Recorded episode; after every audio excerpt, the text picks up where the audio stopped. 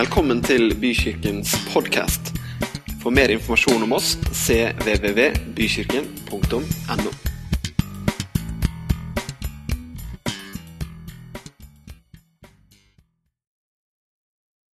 Vi lover deg, Herre. Vi priser ditt navn, Herre. Fordi at du er herliggjort. Du sitter på tronen. Du har all makt. Du er den som overvant døden. Derfor så tilber vi denne formiddagen. Vi synger ikke bare noen sang, men vi tilber deg, Herre. Vi gir deg plass, og vi gir deg makt i våre liv. Det er du som er Herre. Halleluja. Halleluja. Takk, Herre. Takk, Herre. Du kan få sette deg ned, så skal vi dele Guds ord. Lyst til å si tusen takk for at dere leder oss i lovsang på den måten dere gjør. Lovsang er mer enn sang, lovsang er mer enn musikk, selv om det er begge de delene. Det skjer noe når vi lovsynger dere. Perspektivene justeres. Han blir stor, han får makt, og han kan gjøre noe. Og det, hvis det er noe vi virkelig trenger i livene våre, så er det virkelig det. Det er eh, som alltid veldig hyggelig å se dere alle sammen. Noen av dere har jeg sett gjennom sommeren, og andre ikke. Noen er vendt tilbake fra ferie og det ene og det andre. og Det, er, det kjennes godt å være gang, i gang igjen, som Gunnar var litt inne på. Jeg har lyst til å dele noen tanker med dere i dag som eh, står kanskje på veggen allerede, som handler om håp. Det er håp. Det er håp for din framtid, sier Bibelen. Det var en gammel, eh, en gammel, gammel nordlending. Og Det er ikke alltid man får sjekka om historien er sann, men han eh, bor nå i nabolaget, han som fortalte meg det. Og denne gamle mannen utafor Alta, han hadde aldri vært inne på kjøpesenteret i byen. Så var det sånn at eh, det var et ærend de skulle på et eller annet kontor, som var i dette her kjøpesenteret. Og han, eh, sønnen hans tok han med på kjøpesenteret, og der var det en heis. Og han ser en gammel dame som går inn i disse dørene som åpner seg, og forsvinner. Og lurer på hva dette her er. Og mens han står der og kikker, så åpner dørene seg igjen. Og ut kommer den lekre dama. Og gamlingen snur seg etter sønnen sin og sier, 'Gå og hent mor di. Gå og hent mor di.' Fikk noen veldige håp til at her, at her, her, kunne det, her kunne det virkelig skje noe. Håp er viktig, dere. Håp er viktig. Ikke akkurat den type forvandlinger, men håp er viktig.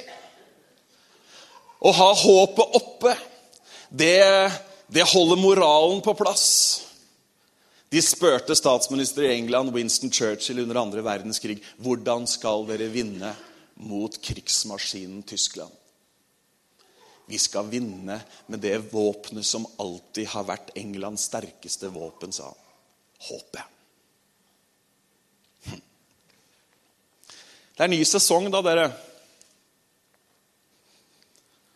Jeg vet ikke om noen eh, også føler at det er en ny sesong. Det er en ny sesong, og det er en ny høst. vet du. vi er vel delt i forsamlingen her på de som syns ferien var for kort, og de som syns det er helt fantastisk å komme i gang. Jeg vet ikke hvordan det klinger hos deg. En ny sesong, en ny runde, en ny høst. Kanskje det føles verken nytt eller spennende. Kanskje ikke det føles som det er en sesong engang. Og innerst inne så kanskje noen og hver av oss lurer litt på ja, hvordan kommer det til å gå. Eller kanskje vi til og med lurer på kommer det til å gå. Ikke bare hvordan det kommer til å gå, men kommer det til å gå? Nytter det? Er det håpløst? Finnes det noen lyspunkter? Jeg tror den følelsen kan noen og hver av oss ha. Og så er vi litt som sirkushester. Når manesjen er der, så tar vi de rundene vi har lært vi skal ta. Og da, akkurat når sirkushesten er i manesjen, da er den på sitt fineste. Men så finnes det noen forhold i stallene bak og på transporthengerne og på trailerne osv. som kanskje ikke er av de aller beste. Dette var ikke et innlegg mot sirkus. Men vi har ofte en fasade, vi har et hjul vi går i. Noen som kjenner seg igjen? Noen som har vært hamster i et tidligere liv og kjenner seg igjen? Det er ofte et hjul vi går i. Mange føler, altså helt seriøst, mange føler at livet blir litt sånn tredemølleaktig. Ikke sant? Kom igjen, da, vær litt ærlige. Jeg driver ikke med løgn i det huset her. Noen som kjenner at livet av og til er litt sånn tredemølleaktig? Noen få? Ja vel, da skal jeg snakke med dere andre og få noen gode råd, tror jeg. For nå er det et eller annet som er Ja, ja. Men det er håp. Hm. Ja, Bent Ove, skal du dra en av dine bedre motivasjonstaler i dag? Nei, jeg skal la noe helt annet motivere deg. For det finnes et håp. Fordi at det finnes en Gud. Men det er jo sånn da, som mennesker så kan vi jo nesten miste litt moten når vi ser rundt oss. Som På vår egen banehalvdel så har vi jo utfordringer hjemme, vi har utfordringer i familiene våre, vi har utfordringer i relasjoner, på jobb, og, og det, unger og naboer og det ene og det andre. ikke sant? Og på den litt store arenaen så sliter fjellreven fortsatt. Korallreven også. Forurensningen er Vi har ikke kontroll. Og det gjøres beregninger på hvor lenge denne kloden kommer til å eksistere dersom ting går den veien det går akkurat nå. Det er krig, det er konflikt, det er presidentvalg i USA.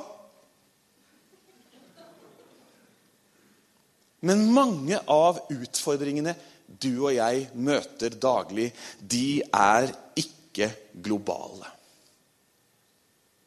De springer ut fra våre personlige liv. Relasjonene, ektefellene, barna, og for ikke å glemme svigermor. Sykdom, smerter, bekymring. Og så befinner vi oss kanskje i en situasjon hvor vi i større eller mindre grad, avhengig av når på døgnet vi spørres, når i uka vi får spørsmålet så befinner vi oss i en situasjon hvor ikke vi helt vet. Kommer det til å gå, eller kommer det ikke til å gå? Ikke sant? Er vi sånn noenlunde på samme side nå? Ja, det er bra. Da, da, da, tror jeg utgangspunktet er godt, for da er det en viss ærlighet i rommet her. Og det må vi jo ha, ikke sant? Men midt oppi alt dette her så er det et håp, kjære deg. David sier i salmene du er mitt håp, Herre Gud. Det finnes håp fordi at Gud finnes. Og han er full av håp. Og fremfor alt så vil Gud at vi skal sette vårt håp til Han. Til det Han har sagt, til det han har lovt. Og Jeg skal vise deg et fantastisk bibelvers som du finner i Romerne 15, 13. Og du får det snart der. Skal vi ikke reise oss opp, og så leser vi det sammen? Romerne 15 og vers 13. Men håpets Gud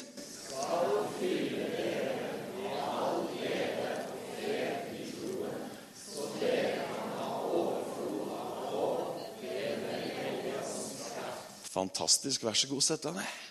Men håpets Gud hm. Det er liksom ikke bare sånn at Gud har litt håp, men han kalles faktisk håpets Gud. Så midt inne i vår situasjon, midt inne i våre utfordringer, så finnes det en grunnvoll. Det finnes noe som er fast, det finnes noe som er sant. Det finnes noe som vi virkelig kan håpe på. Og det er det håpet som evangeliet gir. Det er det håpet som Gud gir deg og meg. Håpets Gud skal fylle dere med all glede og fred i troen, sånn at vi kan hva da? Jo, sånn at vi kan ha litt grann håp på søndag formiddag. Litt grann håp som hvis vi kommer inn på kristne temaer og, og, og siterer et bibelvers. Nei, det, Bibelen sier her at vi kan bli fylt sånn at vi har overflod av håp. Hvis det skulle være noen mennesker i denne verden som kommuniserte håp i alle settinger de var, så er det faktisk du og jeg. Fordi at håpets Gud, han ønsker å fylle oss. Han ønsker å gi oss noe, han ønsker å overføre noe inn i våre liv, sånn at vi kan ha overflod av håp. Det finnes en Gud. Det finnes håp. Det finnes en som kan gjøre noe med din situasjon. Han vil, han kan, han har makt. Bibelen er full av historier om mennesker som var i et tilsynelatende håpløst tilfelle. Han som satt langs veien og tigde på veien til Jeriko, Bartimeus. Kvinnen som hadde hatt en blodsykdom i mange år og brukt opp alle pengene hun hadde. Kvinnen ved brønnen som Jesus møtte på høylys dag fordi hun ikke ville gå til brønnen på morgenen. Fordi hun levde et liv som ikke tålte de andres øyne. Det finnes håp. Hm. Det finnes håp, dere. Også i denne forsamling så finnes det mange historier. Jeg har hørt noen av de og gleder meg til å høre flere. Historier om situasjoner som så håpløse ut. Helsemessig, relasjonsmessig og det ene og det andre. Men så kom Gud, håpets Gud, inn på arenaen. Så kom han inn i livet, og så ble det faktisk helt annerledes. Men er det sånn da, Betove, at hvis man eh, følger Jesus, så er livet liksom bare fullt av håp, og alt går på skinner? Det står det i Bibelen. Alt går på skinner. Har du ikke sett det? Nei. Jeg skal vise dere en tegning. Kanskje du har sett den før.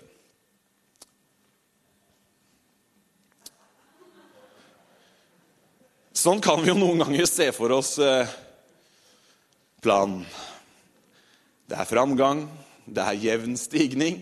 Det er ingen eh, spesielle ting som eh, dukker opp på veien, men det går bare rett framover mot målet. Det er vel det som i psykologien heter sånn virkelighetsflukt, tror jeg. Vet ikke, Det kan jeg få bekrefta en eller annen gang. Og noen tror at det er sånn Guds plan for vårt liv er. Noen forkynner et evangelium som er ja, bare kom du, så blir alt kjempebra, og så er det bare bra og rosa skyer osv. De menneskene er ofte ikke i kontakt med verken melkepriser eller eh, bomringen. De er i en eller annen sfære. Jeg vet ikke hva det er, men det er et eller annet. Mens Guds plan for livet vårt, den fjellturen var litt annerledes, gitt. Ok Hvor sykkelen kommer inn i dette bildet, det vet jeg ikke, men det er noe bilde på å komme seg framover. I hvert fall. Her ser vi bratte skrenter, vi ser hindringer, vi ser stigninger, vi ser dype juv, og vi ser behov for båt. Yes, det må vi ha. Og vi ser at det er mange ting, til og med litt regn. Til og med litt regn, dere. Det vet de i Bergen. De har hatt fire dager med uten i sommer.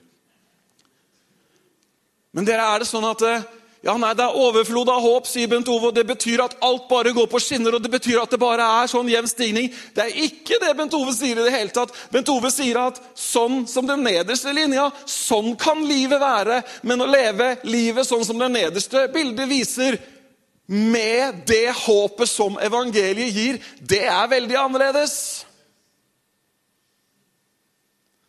Fordi at på det nederste bildet her så er det jo sånn at eh, skal du klare det greiene her, så må du jo ha hjelp. Hallo? Jeg trenger hjelp. Og siden jeg ikke er så himla annerledes enn deg, så kan det hende at du også trenger litt hjelp. Jeg trenger å ha noe å støtte meg til. Da kanskje du òg trenger det.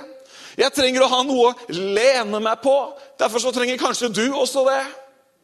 Derfor så sier Gud at du kan sette ditt håp til det håpet som jeg gir. For det håpet er ikke som det andre menneskelige håpet, men det håpet han har gitt oss, det står fast. Ved hans ord, ved hans pakt, ved hans løfte til oss, så står det fast.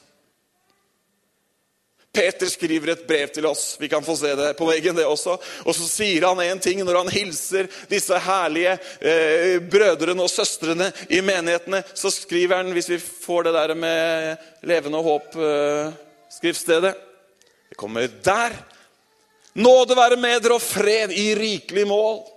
Lovet være Gud og vår Herre Jesu Kristi Far, Han som etter sin rike miskunn har gjenfødt oss til hva da? Til et problemfritt liv? Nei. Til minste motstands vei? Nei. Han har gjenfødt oss til et håp som er levende. Han har født deg inn i et nytt liv, og i det nye livet så har du et levende håp. Det betyr at det har ikke gått ut på dato. Det betyr at det er, ikke, det er liksom ikke sånn historietime. Nei, han har gjenfødt deg til et levende håp, kjære deg. Det håpet, det funker. Det håpet, det er virksomt. Det håpet kan du bygge livet ditt på. Derfor så sier jeg veldig frimodig i dag, søndag 14. august, at det er håp. Ja, men min, ja, men min, ja, men min og din situasjon. Jeg kjenner mange av situasjonene, og jeg sier allikevel frimodig det er håp. Det er håp, og det håpet, det er levende. Det er liksom ikke over, og det er så viktig at du og jeg ikke lever i historien, ikke lever i teorien, men at vi lever i et levende håp. For da kan vi forsere den løypa du så på tegningen. For da vet du at uansett motbakke, uansett utfordring, uansett hva som måtte dukke opp, så har jeg et håp som overgår dagsform, ukesform, månedsperspektiv og neste års kalender. Er ikke det bra? Oi, oi, oi. Det finnes et håp, kjære deg. Det er håp.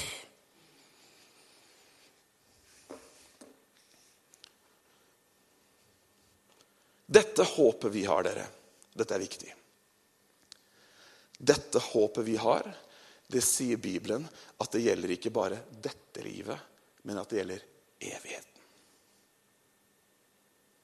Vi klusser det av og til til i teologien vår, i læren vår om, Gud og vår kristne praksis i livet når vi tenker at alle Guds løfter de skulle i grunnen vært innfridd akkurat nå i mitt liv. Hallo? Troskriser oppstår fordi at helbred, ikke alle helbredelser skjer øyeblikkelig. Troskriser oppstår fordi at folk gjennomgår ting man ber, og så skjer det ikke en umiddelbar løsning på problemet. Noen som er med på hva jeg snakker om? Mange er med på hva vi snakker om. Bibelen sier ikke at det kristne livet er uten lidelse, er uten prøvelse. Nei, den sier ikke det. Men den kristne, Bibelen snakker om at i troen vår så er det et håp som går lenger enn denne tiden. Bibelen sier i Romerne 8 at Vi kan jo lese det siden, siden, vi, har, eh, siden har Bibel her. Er det greit? Skal vi lese det? Henger du med, eller? Her sier Paulus, en ærlig, herlig apostel. Ikke bare rosa dager, ikke bare mintgrønne skyer.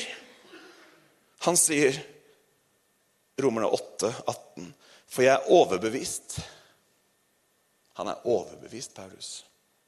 Jeg er overbevist om at lidelsene i den nåværende tid er for ingenting å regne sammenlignet med den herligheten som skal bli åpenbart for oss. Det er bra sagt. Han sier med andre ord det er tøft nå. Han sier det er vondt nå. Jeg føler meg det ene og det andre nå.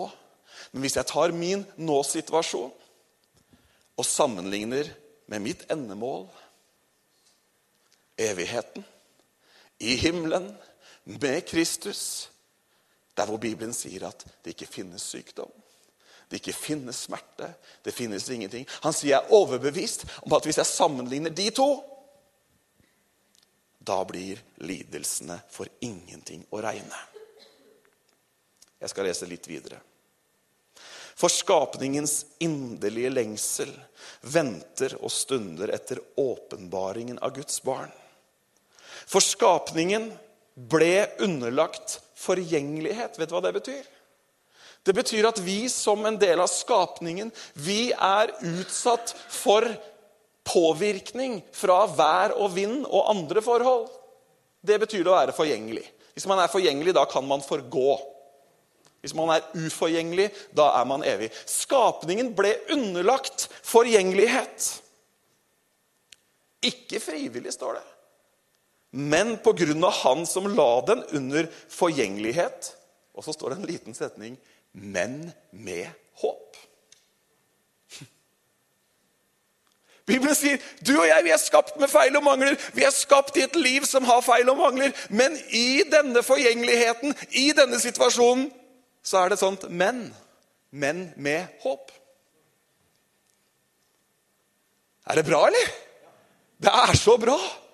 For livet går ikke bare på skinner. Livet er ikke bare rosa skyer. Det blir løgn og fanteri, skuespill og maskeradeball hvis det er det vi forkynner, hvis det er det vi sier. For det er ikke sånn det er. Men det finnes noe midt oppi sånn som det er, og det er et håp som står fast. Et levende håp. Halleluja, sa pastoren da. Det er noe med det her håpet.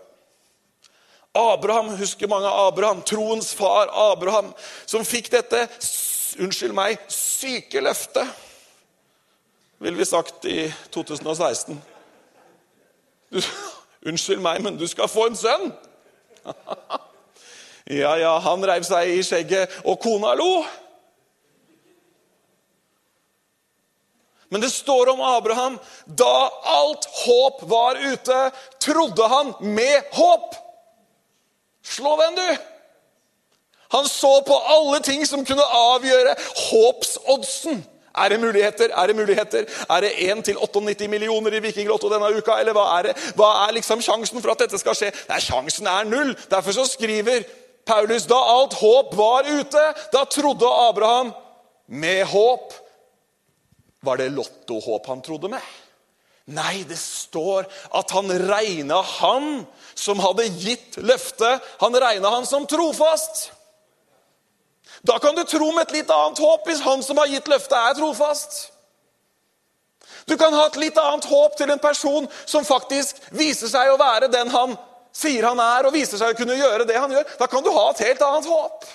Og Det er det andre håpet jeg snakker om i dag. Jeg snakker ikke om lykkeamulett. Jeg kommer ikke til å selge sånne gummifigurer ute i foajeen i dag som du må bringe med deg for å ha gode dager fram til neste gang vi møtes. Men jeg sier det finnes et håp. Det er håp, dere. Hvorfor det? Jo, for det som vi sang her. Han er herliggjort. Jeg elsker denne setningen. Død, hvor er din brodd? Er ikke den deilig? Å, Det er nesten sånn der blæ, blæ til døden. Nei, nei, men, nei, men Det høres kanskje flåsete ut, men, men, er du enig? Altså, det er liksom sånn Hva kan du gjøre meg? Bibelen sier det til og med. Bibelen sier at deres motstander, sier Bibelen. Han går omkring som hva da? En brølende løve. En brølende løve er ikke farlig hvis den bare brøler. Men den kan være utrolig skremmende. Men midt i løvebrølene Det var dårlig futt i de løvene i Danmark. Det var ikke noe brøl. Vi har vært i Løveparken. Men midt i brølene og Vi trenger ikke å rekke opp hånda, men jeg vet at det er folk her som opplever løvebrøl. Altså i overført betydning.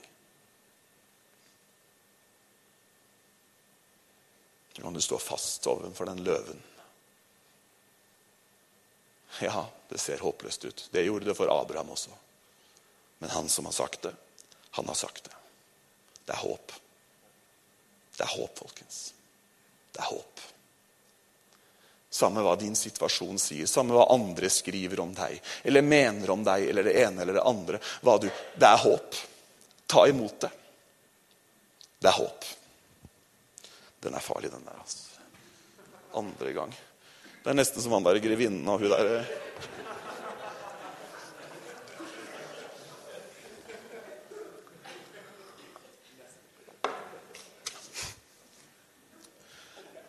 Hvordan får jeg dette håpet?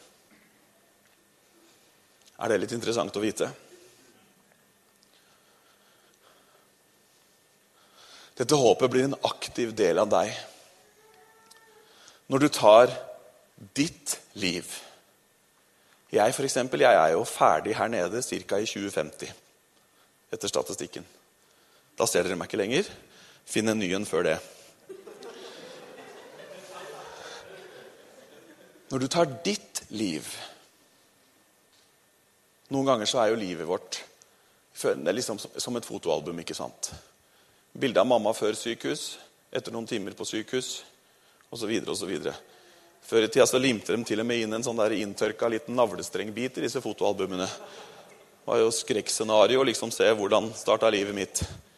Men du, når du tar ditt liv, din fortelling, for å bruke det ordet og så legger du den inn i Guds fortelling.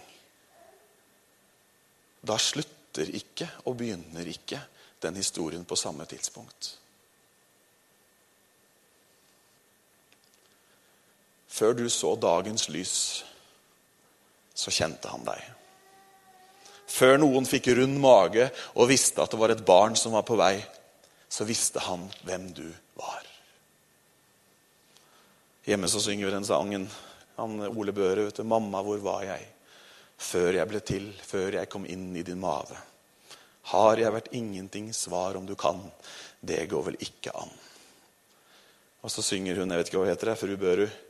Lill, hva sa du? Ann Marie, så synger hun da til lille Ole.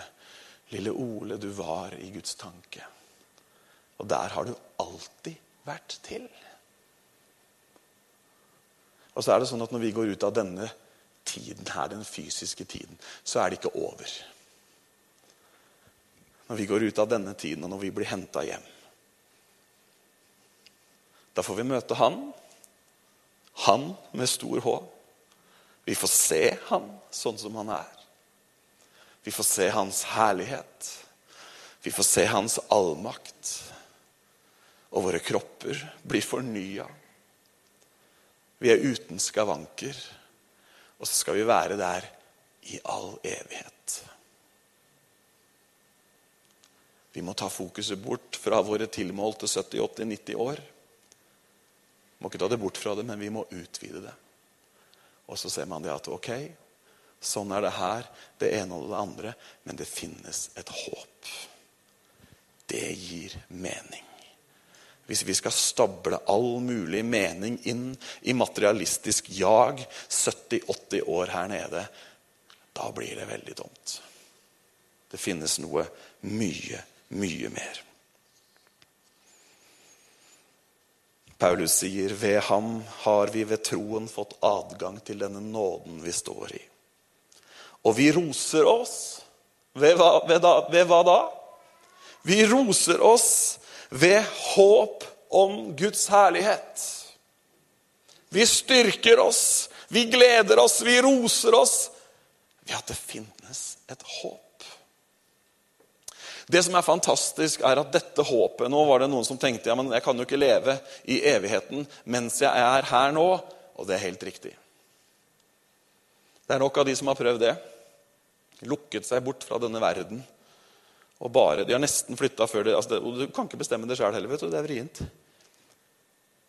Men det som er, er at når dette perspektivet, når det levende håpet er levende for oss, er en del av livet vårt, da vil det påvirke dette livet her nede ganske drastisk. Da vil det gjøre noe med hvordan vi ser på ulike ting. Da vil det gjøre noe med prioriteringene våre, osv., osv. Helt til slutt så jeg har jeg lyst til å komme med et par utfordringer. Er det, er det greit? Er dere for eller mot praktisk pastor? For. Ok? Så vi trenger ikke å pakke alt inn i Tamariskelundens grønne blader og kananspråkets skjulte hemmeligheter? Nei. For det første så er Bibelens utfordring til oss veldig tydelig mange steder. Du kan gå inn på bibelen.no sjøl, og så kan du søke ordet 'håp'. Og så kan du lese bare sånn til en begynnelse, alle bibelvers som handler om håp i Det nye testamentet. Og så kan du ta salmene etterpå, så kan du kose deg. Stol ikke på deres egen forstand. Sett deres håp til Herren. Altså, det er mange utfordringer. Og dette er, Det er mange utfordringer Bibelen gir oss at vi skal gjøre det. Og dette er en utfordring i vår del av verden, kanskje spesielt. Fordi at vi har så mange andre ting vi kan sette håpet vårt til. Vi kan sette vårt håp, vi kan stole på vår inntekt, vårt intellekt, våre relasjoner, vår familiebakgrunn, arbeid osv. Det er så mange ting vi kan sette vårt håp til. Og Du ser det her veldig tydelig i menneskers liv når noen av de faste tingene plutselig forsvinner, jobben forsvinner, eller det ene eller det andre, så ser man plutselig det at Oi, det var jo dette jeg hadde satt mitt håp til, for nå forsvinner grunnen under føttene mine. Noen som er med på tanken? Man mister en av sine kjære, og så, og, så er, og, så er, og så, er, livet liksom ikke verdt å leve lenger i det hele tatt. Nå snakker jeg ikke om en sorg umiddelbart, men nå snakker jeg om det store bildet med litt flere dager og måneder. Vi setter vårt håp til veldig mye av det vi fysisk har rundt oss. Men Bibelen sier at vi skal sette vårt håp fullt og helt, står det til og med, til Jesus. Tar du den utfordringen? Sett håpet ditt til Han. Og så har jeg en bønn som jeg også har lyst til å dele med dere. Og det er det, Den bønnen ber jeg, og måtte det skje med oss alle i større grad. At Guds ånd får vise oss, åpenbare for oss, gjøre tydelig for oss, gjøre levende og tilgjengelig for oss hvilket håp det er vi har. For det er ikke noe jeg kan forklare. Jeg kan undervise og, og, og, dele noen skriftsteder, og vi kan snakke om dette, men det er Ånden som gjør dette her levende. Og i den forbindelse så,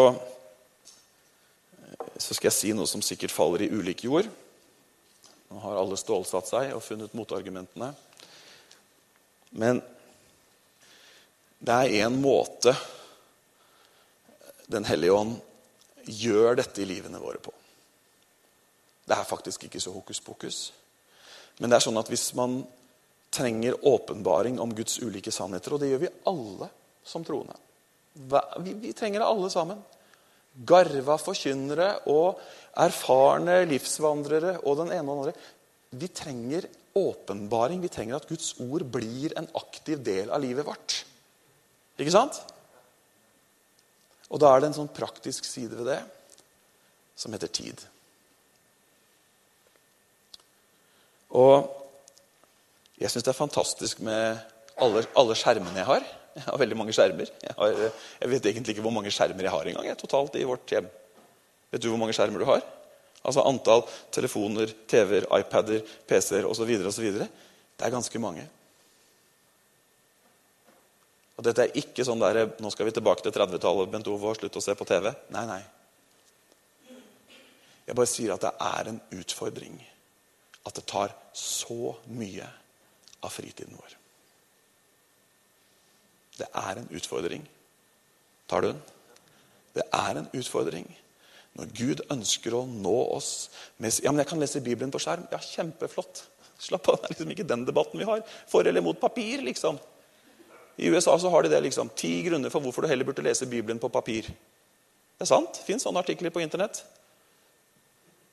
Men dere, det er en utfordring at så mye av tiden vår går til film, sosiale medier, nyheter, underholdning.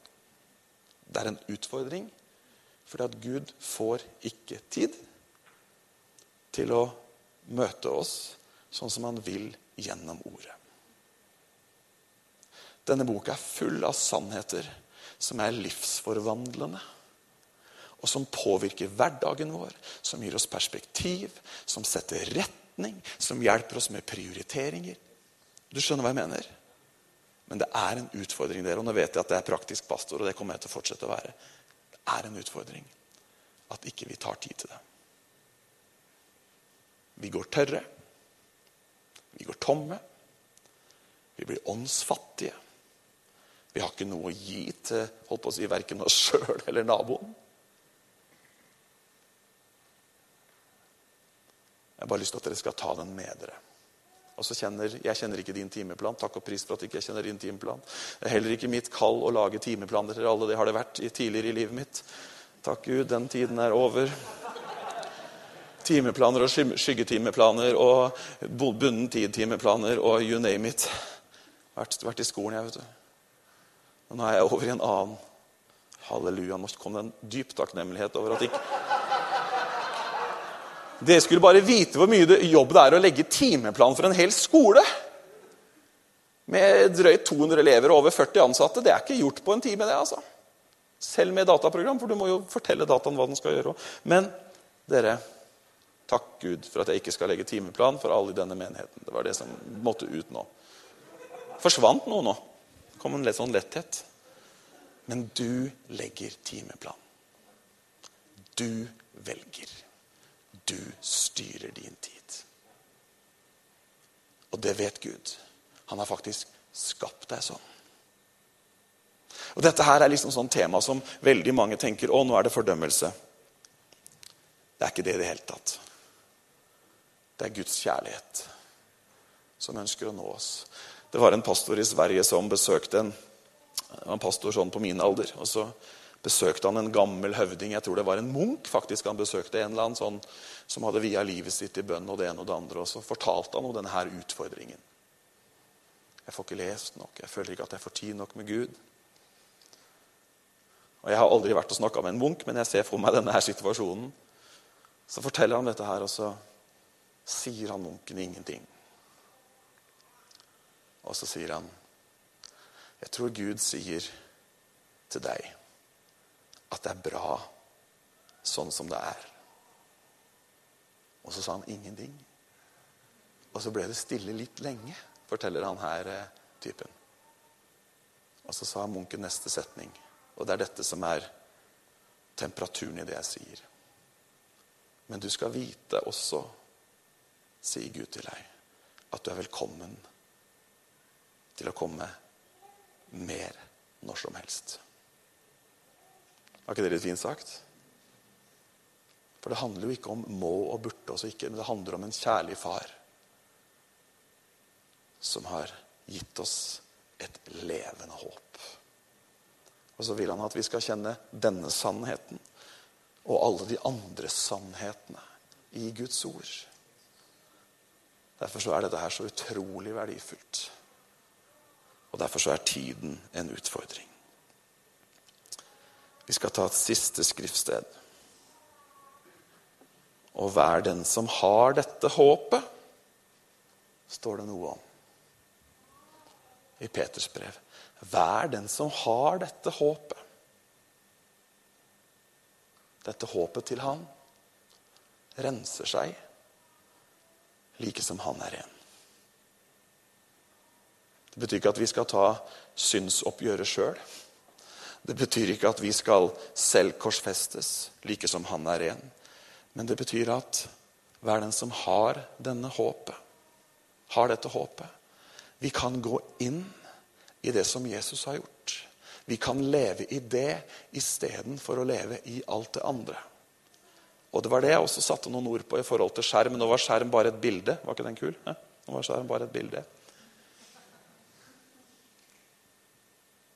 For noen så kan det være den renselsen, eller så kan det være det å skyve noe annet til side for å gå videre med Gud. Det er håp. Det er framtid. Vi skal gå videre med Gud. Gud vil at du og jeg skal vokse i troen. Er ikke det fint? Han vil det. Han vil at nye mennesker skal komme til tro. Vi bruker deg og meg til det spennende arbeidet. Det er håp. Det er håp. Skal vi reise oss?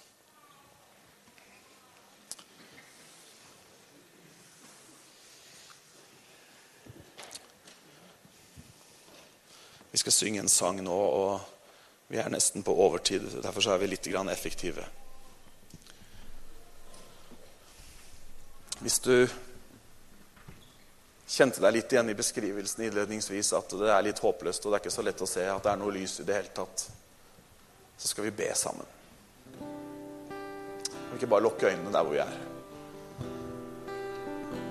Hvis du trenger at Og det her gjør ikke hele jobben. Det her takker skjermprioriteringen osv. Men hvis du, trenger, hvis du tenker at jeg trenger at han er håpets gud fyller meg med overflod av håp. Ikke ved dine gjerninger, men ved sin kraft. Så kan du rekke opp hånda, så skal vi be for deg. Takk, Jesus. Takk, Jesus.